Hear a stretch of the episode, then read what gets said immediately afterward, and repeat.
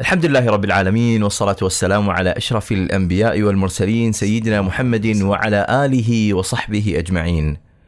اقرأوا التاريخ إذ فيه العبر ضل قوم ليس يدرون الخبر.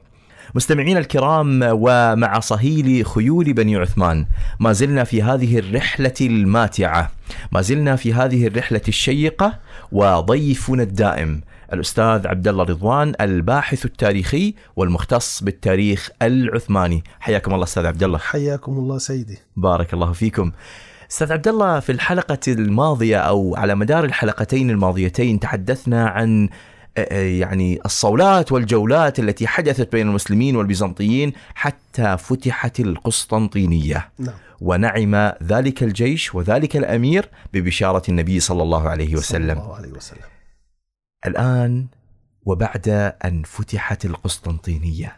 نعم. أولئك الغرب الذين كانوا ينظرون إلى القسطنطينية على أنها حصن حصين لا يمكن لأي أحد أن يسقطه. نعم. كيف كانت ردة فعلهم بعد هذا الفتح العظيم؟ بسم الله الرحمن الرحيم. رب اشرح لي صدري ويسر لي أمري واحلل عقدة من لساني يفقه قولي. نحن نقص عليك أحسن القصص والتاريخ قصة وعظة. سيدي بعد سقوط الحصن المنيع إسطنبول بيد الفاتح بعد الفتح المبارك وتحقق بشارة المصطفى صلى الله عليه وسلم آه هذا الفتح كان له وقع خاص في الغرب. أكثر من ألف عام وكل يمني نفسه أن يكون صاحب تلك البشارة. حملات متوالية متتالية كما تكلمنا سابقا منت نفسها أن تكون صاحبة تلك البشارة. ولكن ليقضي الله أمرا كان مفعولا. امتنعت وفتحت أبوابها للفاتح. هو زلزال سياسي بكل ما تعنيه الكلمة. زلزال هز أوروبا. كيف لا وهذه إسطنبول البوابة الشرقية لأوروبا ومعقل المذهب الأرثوذكسي صحيح أنهم كانوا في عداء مع المذهب الكاثوليكي ولكنهم كانوا حقا الخندق الأول للدفاع عن أوروبا طيب إذا بعد الآن فلتستعد أوروبا لمجابهة المسلمين نعم. الآن هي وجها لوجه مع محمد الفاتح. طبعا أوروبا الآن هي خسرت على كل الصعد. هذا الزلزال أحدث وقع على كل الجبهات على مثلا الصعيد الاقتصادي. مفاتيح الممرات المائية البوسفور طبعا الذي يربط بين البحر الأسود وبحر مرمرة هو الآن بيد الفاتح. إذا هذا الشريان الذي كانت تمر به السفن من كان يتحكم به سابقا البيزنطيون. أما الآن فهو بيد السلطان الفاتح. المعادلة تغيرت. نعم. المعادلة الجيوسياسية تغيرت بكل ما تعنيه الكلمة من معنى. نعم. طيب دعنا نتفق وهذا معروف ومن المسلمات أن الإسطنبول يعني موقع استراتيجي هام. م. تربط آسيا بأوروبا لها موقع سياسي يجعلها تتربع على أن تكون سيدة المدن العالمية نعم. هي الآن بيد الفاتح إذا كما قلنا على على أوروبا الآن أن تستعد ليس للمعركة الحربية مع الفاتح إنما لمعارك اقتصادية صحيح؟ طبعا العثمانيون سيدي هم ملوك الماء أيضا م. يعني سنستطرد قليلا اسمح لي. وسأقفز. قليلا في الزمن إلى السلطان سليم. يوم هزم المماليك في مرج دابق آه، مع قنصغري هزم أمامه آه، كان السفن الإسبانية تجوب البحر الأحمر. تقتل وتسرق وتنهب وتغتصب وكان عندهم أمنية أن يدخلوا إلى المدينة المنورة لنبش قبر المصطفى صلى الله عليه وسلم.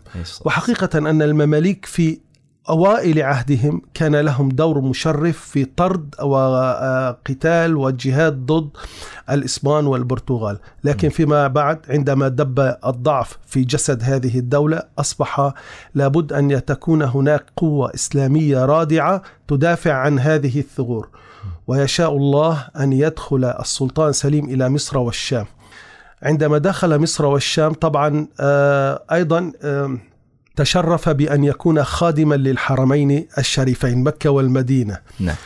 وفي هذه وهنا حرم على السفن الإسبانية والبرتغالية أن تدخل البحر الأحمر وبقيت أكثر من 350 سنة لا تستطيع الدخول إلى البحر الأحمر.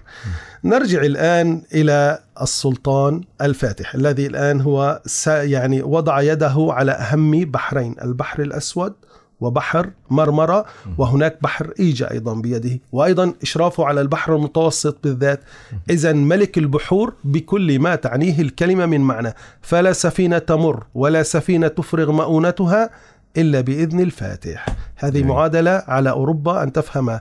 والآن أنت ترى كبرى المعارك تقوم من أجل الاقتصاد. صحيح. صحيح؟ صحيح. طيب. على الصعيد السياسي الفاتح أصبح يمتلك أوراق قوية جدا. بدأ يفاوض بقوة. طبعا العالم أنت تعرف العالم هو عالم براغماتي منذ القديم. لا يحترم إلا القوي. الضعيف لا مكان له نهائيا. الآن هو سيد إسطنبول. نعم. الآن حول هذه المدينة كان اسمها القسطنطينية وأصبحت إسطنبول. الجميل في الفاتح والوفود السياسية التي كانت تأتي إليه أنه كان يتحدث إليها مباشرة دون مترجم. كان يتكلم بخمس لغات التركية والعربية واليونانية واللاتينية والفارسية. إذا هو قائد مثقف ومثقف جدا. جميل تمام؟ جميل. يعني نعم. هو هو لم يأتي من فراغ. هو تربية آق شمس الدين. والملا كوراني. طبعا سقطت إسطنبول ومعها دب الهلع في أوروبا وأصبح الناس يستيقظون وينامون ماذا لو تقدم الفاتح إلينا؟ نعم. الآن هو فرغ من إسطنبول والفاتح شهيته مفتوحة للجهاد وللفتح. ماذا بعد أدرنا؟ أدرنا منذ زمن هي بيدهم وهو الآن سيد إسطنبول. وماذا بعدها؟ هذا الشاب الآن في الاثنين والعشرين من عمره. أمامه عمر طويل. إذا كل سنة تقدم نحو مدينة يعني لن تمضي سنوات إلا وهو قد طيب ماذا حصل البابا آه، ني- آه، نيقولا الخامس بابا الكاثوليك. هو نادى وجمع ملوك أوروبا كلهم وقال لابد أن نعد لحملة لنسترجع القسطنطينية. شئنا أم أبينا الدور الثاني سيأتي علينا. هذا نعم. الشاب شهيته مفتوحة جدا للجهاد وللغزو و و و ويجب أن نوقف تقدمه. فلا بد أن ننقل المعركة إلى هناك حيث يكون لا أن يتقدم إلينا. طبعا استجاب له بعض الملوك لكن هذا الرجل آه، يعني من شدة وطأة سقوط القسطنطينية مات كمدا وقهرا. مات قبل أن يتحرك بأي جيش. نعم. إذا بعد أن مات نيقولا الخامس قهرا وكمدا بسبب الصدمة النفسية آه، في 25 في الخامس والعشرين من مارس 1455 ميلادية جاء البابا بيوس الثاني. هذا بعد فتح القسطنطينية بعامين. نعم نعم. صحيح. وأراد أن ينقذ إسطنبول. م. طبعا سخر كل قدراته الخطابية وحنكته السياسية وكل روحانيته الدينية المسيحية في في تجميع قادة وجيوش أوروبا. لكن سبحان الله ليقض مرة أخرى ليقضي الله أمرا كان مفعولا. سيؤيد الله آه، هذا الفاتح بنصره لكن دون أن يضرب بسيف واحد. كيف؟ عندما دعا إلى هذا الاجتماع وهذه الحملة الصليبية لإنقاذ آه، القسطنطينية فرنسا وإنجلترا رفضا لماذا؟ لأنهما متعبتان من حرب المئة عام إيه. أيضا بريطانيا كانت مشغولة في حروبها الأهلية. إذا بريطانيا وفرنسا تنحيا جانبا مم. الآن إسبانيا إسبانيا مشغولة في حربها ضد المسلمين مم. في الأندلس والقضاء عليهم وطردهم من الأندلس وما عندها طاقة أن تبعث بجندي واحد إلى خارج الحدود نعم. طيب. يأس بيوس. لكن مكره لم ينفذ قال سأفعل شيء. لم يفعله أحد من قبلي. ماذا ستفعل يا بيوس؟ أرسل رسالة إلى السلطان الفاتح. يدعوه أن يتنصر. يدعوه أن يعتنق المسيحية ويترك الإسلام. يدعوه آه، أن يعتنق دينه الدين المسيحي وهو يعده بصكوك الغفران يعده بصك دخول الجنة وبالغفران. لكن على من؟ السلطان الفاتح هو تربية قلنا آق شمس الدين تربية الملا كوراني. رجل نشأ مع القرآن ومع الحديث وتنفس عبق المصطفى صلى الله عليه وسلم بأحاديثه الشريفة من هذين العملاقين. طبعا سخر جدا السلطان الفاتح من هذه الرسالة. آه، ورفض هذا الأمر رفضا تاما وتوعد البابا بقدوم مزلزل. انتظروني. نعم. طبعا من المصادفة أريد أن أقول. القسطنطينية أسسها قسطنطين الأكبر. م. تم افتتاحها في الحادي عشر من شهر أيار عام 330 ميلادي. م. وسقطت في عهد الإمبراطور آه، قسطنطين الذي يحمل نفس الاسم. طبعا قسطنطين الحادي عشر الذي يحمل نفس اسم المؤسس. نعم. إذا قسطنطين الأول أسس وقسطنطين الحادي عشر سقطت في زمانه. طبعا افتتحت هذه المدينة في شهر أيار وسقطت في يد الفاتح في شهر أيار. جميل. هذه من المقارنات. نعم. آه، إذا أستاذ عبد الله ما بناه قسطنطين الأول سقط في عهد قسطنطين الحادي عشر. هذا الفاتح الذي أسقط ذلك الحصن وكما آه، آه، نرى محاولة كل الغرب لحشد كل هذه الجيوش وكل ما لديهم من قوة لمواجهة الفاتح ولم يستطيعوا على ذلك. فلربما يعني انتقلوا إلى مستوى آخر. نعم. انتقلوا إلى فكرة التشويه تشويه هذا الشخص. نعم. وإلصاق تهم ليست حقيقية بهذا الفاتح العظيم نعم. ومنها أنهم ذكروا بأنه قتل أخاه نعم. لو نفصل شوي في هذه الحادثة أستاذ حياك الله أستاذي لا يوجد شخص في العالم تعرض للافتراء كما تعرض السلطان الفاتح وكما يقال الصراخ على قدر الألم نعم. يعني سقوط القسطنطينية زلزال بالنسبة لهم بكل معنى الكلمة هذا الشاب يجب أن تشوه سيرته كيف؟ آه قالوا آه، السلطان مراد كان عنده طفل رضيع. السلطان الفاتح قام بقتله خوفا على سلطانه. الله أكبر. م. الله أكبر. طيب نحن لنرد عليه. طيب السلطان الفاتح هو رجل إن شاء الله مؤمن. وقد قرأ قول الله ومن قتل مؤمنا متعمدا فجزاؤه جهنم خالدا فيها وغضب الله عليه. إذا من قتل المؤمن مؤمنا سوف يكون مأواه النار. ثم غضب الله. طيب والإنسان المؤمن دائما يعني يقول في صلواته بسم الله الرحمن الرحيم في سورة الفرقان والذين يقولون ربنا اصرف عنا عذاب جهنم إن عذابها كان غراما إنها ساءت مستقرا ومقاما. يعني نحن نسعى في هذه الدنيا والسلطان وكل الناس أن يعتقوا رقابهم من النار. نعم. يعني هو هل هو مجنون حتى يقوم بقتل طفل صغير ويشتري مقعد له في النار وهو يركع وهو قد قضى حياته على صهوات حصانه مجاهدا في سبيل الله. آه، يرصد كل لحظة ودقيقة في حياته لله. هل هذا الرجل سيقتل؟ ومن؟ طفل بريء. هل هو فرعون؟ هم أرادوا أن يقول أنه فرعون. هل هو فرعون؟ معاذ الله. معاذ الله أن يكون فرعون.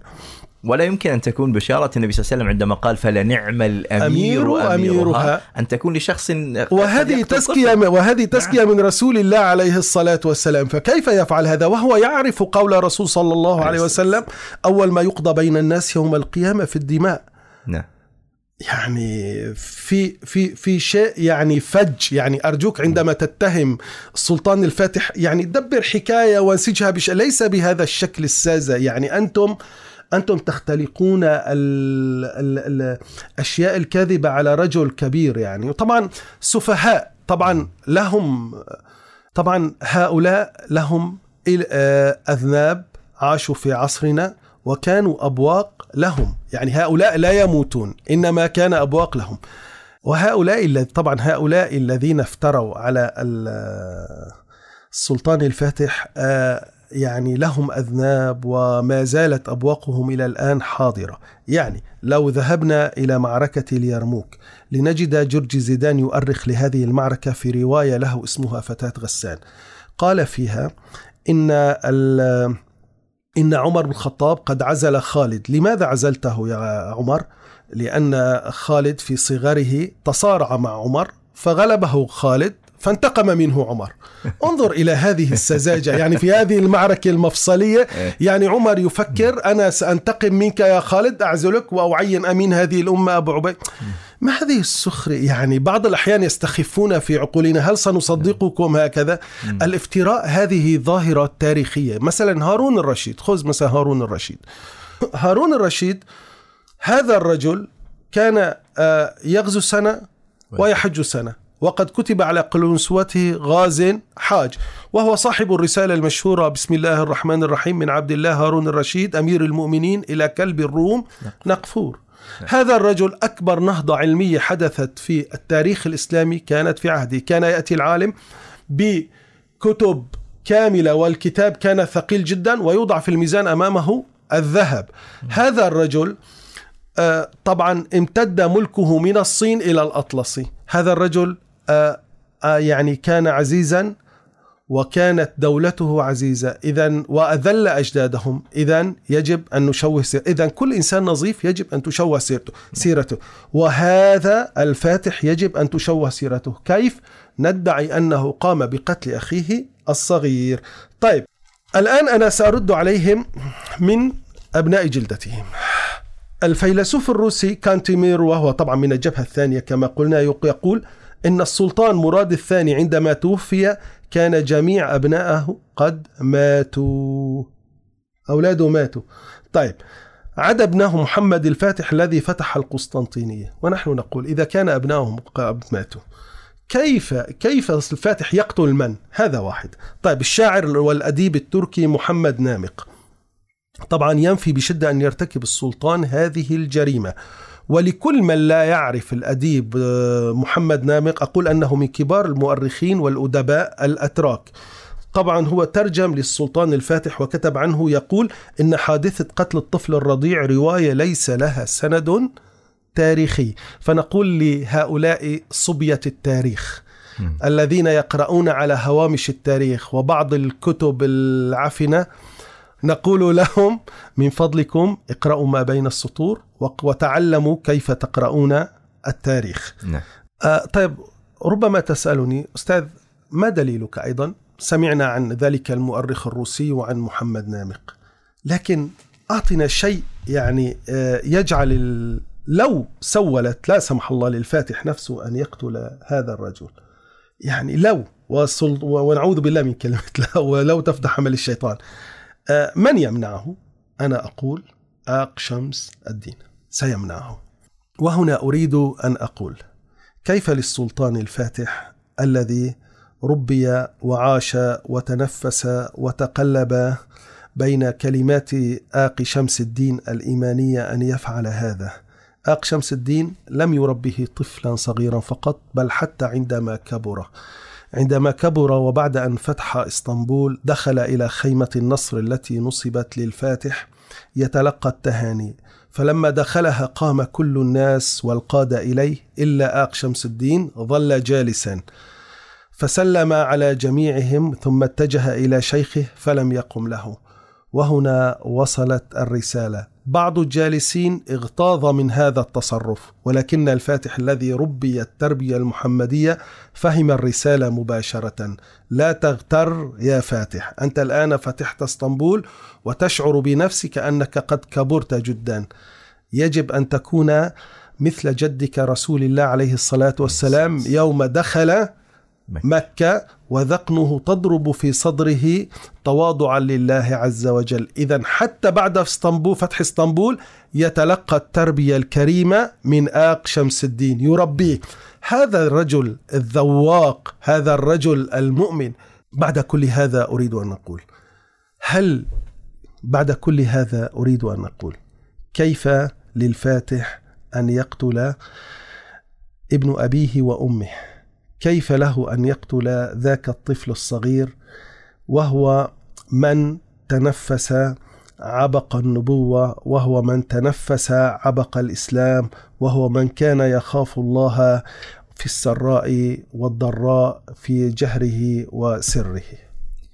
هكذا دائما هم العظماء أستاذ عبد الله دائما هناك من يحاول لأنه لم يستطع أن يتفوق عليهم فإنه يحاول أن يشوه من صورتهم يحاول أن يشوه من ذلك النور الذي تركوه في تاريخ البشرية لو نظرنا إلى حياة الصحابة هناك ما زال من يشوه الصحابة هناك من ما زال من يشوه جميع الخلفاء العظماء على مدار الخلافات الإسلامية بل ونبينا صلى الله عليه صلى الله وسلم. وهو أعظمهم جميعا قيل عنه ساحر وكاهن ومجنون وهو النبي. الصلاة فكيف والسلام. بالاخرين؟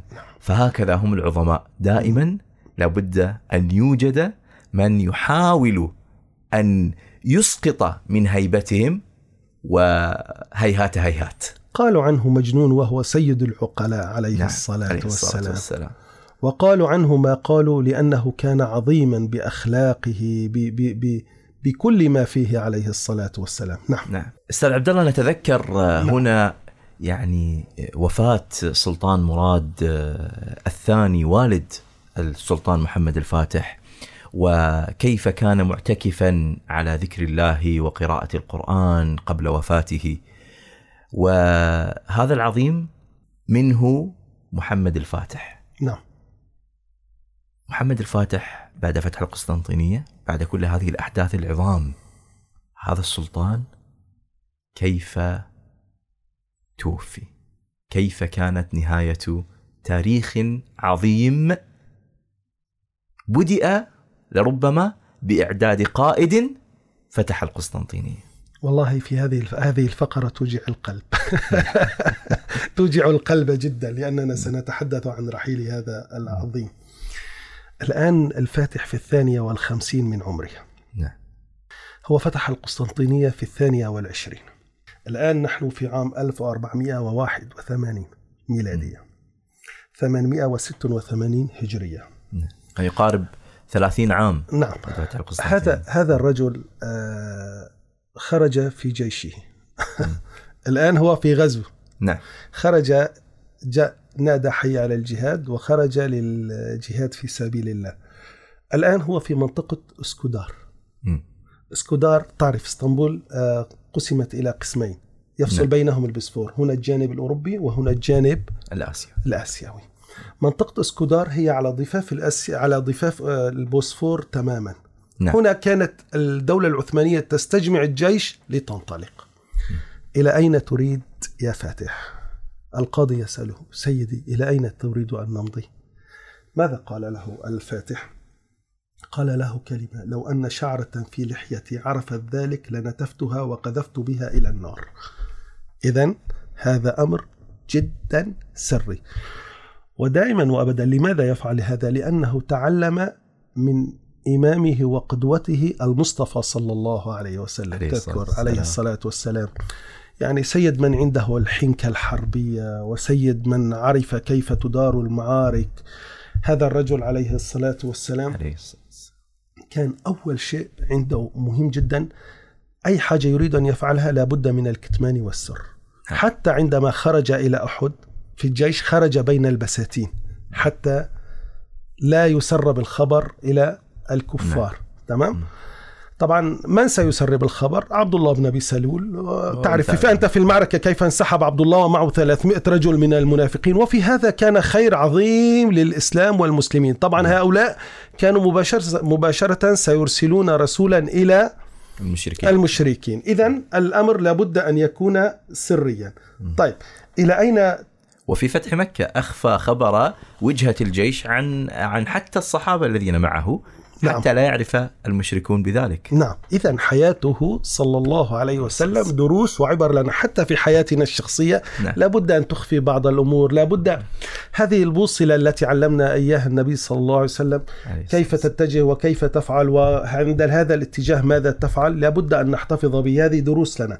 السلطان الفاتح إلى أين تريد يا سلطان؟ كان يريد أن يذهب إلى أين أخي عبد الله تتوقع؟ بجيشه كان يريد أن يذهب إلى إيطاليا ليزحف بنفسه ليفتح روما وشمال فرنسا وفرنسا. إذا كان الهدف فتح روما. الآن أخذ القسطنطينية فتح القسطنطينية. نعم. الآن الهدف الأسمى عنده نحن نخرج في الجيش إلى أين؟ إلى روما. مع إلى معقل الكاثوليك. إلى معقل الكاثوليك. إذا آه هو يريد أن يذهب بجيشه إلى طبعا إلى روما إلى جنوب إيطاليا إلى فرنسا. إذا هناك الفتح. لكن يشاء الله أن يشتد عليه المرض مرض النقرس.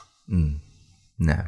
طبعا اشتد عليه حتى لم يعد يستطيع أن آه، يثب كما كان في أيام شبابه على صهوة حصانه. نعم. ثقل المرض عليه جدا جدا جدا. وبعدما ثقل المرض عليه وفي منطقة أسكودار كان الموعد. هذا الفارس لا قد حان الوقت أن يترجل عن صهوة جواده. كانت قد حانت لحظة اللقاء مع الله عز وجل. سيمضي إلى الله ويقدم بين يديه أجمل هدية فتح إسطنبول. سيمضي إلى الله وفي يمناه بشارة المصطفى صلى الله عليه وسلم لتفتحن القسطنطينية فلنعم الأمير أميرها ولنعم الجيش ذلك الجيش. وفي يسراه غبار نقع المعارك التي خاضها والتي أوصى أن توضع معه في قبره. هذا الرجل توفي. طبعا خرجت نظريات كثيرة تقول أنه مات مسموما من قبل طبيبه والحقيقة هو لم يمت مسموما. لم يمت مسموما ابدا ابدا. إن مات ميتة طبيعية وتلك كانت أكبر عقد عنده عنده أن يموت كما يموت البعير كما خالد رضي الله عنه وأرضاه. خالد يعني يعني هذا الرجل عاش حياته لله وللجهاد وهذا الرجل عاش حياته لله والجهاد. وأصعب شيء عند هذا الرجل الا ينال الشهادة. نعم. كان هذا- يقول ما في جسدي موضع, موضع شبر إلا وفيه ضربة ضربة رمح. رمح. أو رمية سهم. وها أنا أموت حتف أنفي كما يموت البعير. هذه أكبر كانت أكبر يعني مصيبة عنده طبعا هذا الرجل ربما يعني عاش إلى الخمسين. لو, لو امتد به العمر قليلا لفعل أشياء كثيرة. يعني الإنسان ليس المهم أن يعيش إلى السبعين أو الثمانين أو التسعين. المهم هي الإنجازات. وهذا الرجل في جعبته إنجاز تاريخي بكل معنى الكلمة. يعني مثل ما قلنا دائما نقول أنت بإنجازاتك. ماذا قدمت لهذه الأمة؟ يعني هذا مهم أخي. نحن لا نستعرض حياة الفاتح من أجل فقط أن نمضي الوقت وأن نقول كذا. لا لا لا نريد أن نأخذ الدروس والعبر. نحن ماذا قدمنا للإسلام؟ يعني الصحابة الله يرضى عنه رضي الله عنهم كلهم كانوا يسألون أنفسهم هذا السؤال. سيدنا آه، سعد بن معاذ أسلم في الثلاثين وتوفي عمره سبع وثلاثين سنة. نعم واهتز له عرش الرحمن ونحن الآن نعيش مئة سنة ولا تهتز شعر لموتنا فلماذا؟ إذا أنت ماذا قدمت؟ إذا هذا الرجل ترجل عن صهوة جواده وقدم وقدم لهذه الأمة أجمل هدية أصدقك أخي عبد الله بالأمس كنت في إسطنبول وكنت أمشي في شوارع إسطنبول مع مع الفجر. كنت ذاهب إلى صلاة الفجر وإذ بي آه، أسمع أذان ال- يعني آه، أسمع أذان الفجر من المآذن عدة تتعانق هذه الأصوات. الله من كان سبب هذا الفتح؟ من كان سبب هذا الفتح؟ إنه السلطان. كم كم هي الحسنات التي تذهب إلى بنك الفاتح؟ نعم. كل رجل يصوم كل رجل يصلي يصوم في هذه المدينة يتوضأ كل هذا كل هذا في في بنك حسنات هذا الرجل. طبعا أوروبا عندما علمت بموت الفاتح أعلنت الأفراح آه، والأعياد ودقت الكنائس وفتحت وأقيمت صلوات الشكر كيف لا؟ والسلطان الفاتح قد مات. هذا الرجل الذي كان يهدد عرشنا في روما قد مات. استرحنا منه. إذا مات السلطان الفاتح. مات هذا الرجل الذي كان نقطة مفصلية في التاريخ. مات هذا الرجل الذي أقول أنه نسيج وحده. سلام نزجيه خاشعين لروحك يا سيدي يا فاتح. سلام نزجيه لروحك أيها السلطان ولروح معلمك العالم الشيخ آق شمس الدين. نغادرك لا نقول وداعا إنما نحمل بين صدورنا قلبك وفي عروقنا تسري دماؤك ونحن نمشي على نهجك لنكمل هذه القافلة المباركة إن شاء الله لنقول أننا كنا خير أمة أخرجت للناس. رحم الله السلطان محمد الفاتح رحم الله الأمير الذي كان ببشارة النبي صلى الله عليه وسلم نعم الأمير رحم الله فاتح القسطنطينية. بهذا أستاذ عبد الله نختم مسيرة هذا الرجل العظيم إلا أن صهيل خيول بني عثمان ما زالت مستمرة وما زالت أصواتها تجلجل في ميادين المعارك. ولنا وقفات معها في الحلقات القادمة. بإذن الله. بإذن الله. أستاذ عبد الله رضوان الباحث التاريخي والمختص بالتاريخ العثماني شكرا جزيلا لكم على هذه الحلقة وبارك الله فيكم. بارك الله بكم سيدي وجزاكم الله عنا كل خير. وأنتم كذلك مستمعينا الكرام الشكر موصول لكم على حسن الاستماع نلقاكم بإذن الله في الحلقات القادمة كان معكم من الهندسة الإذاعية حذيفة ناجي وهذه تحيات محدثكم عبد الله حمدان والسلام عليكم ورحمة الله وبركاته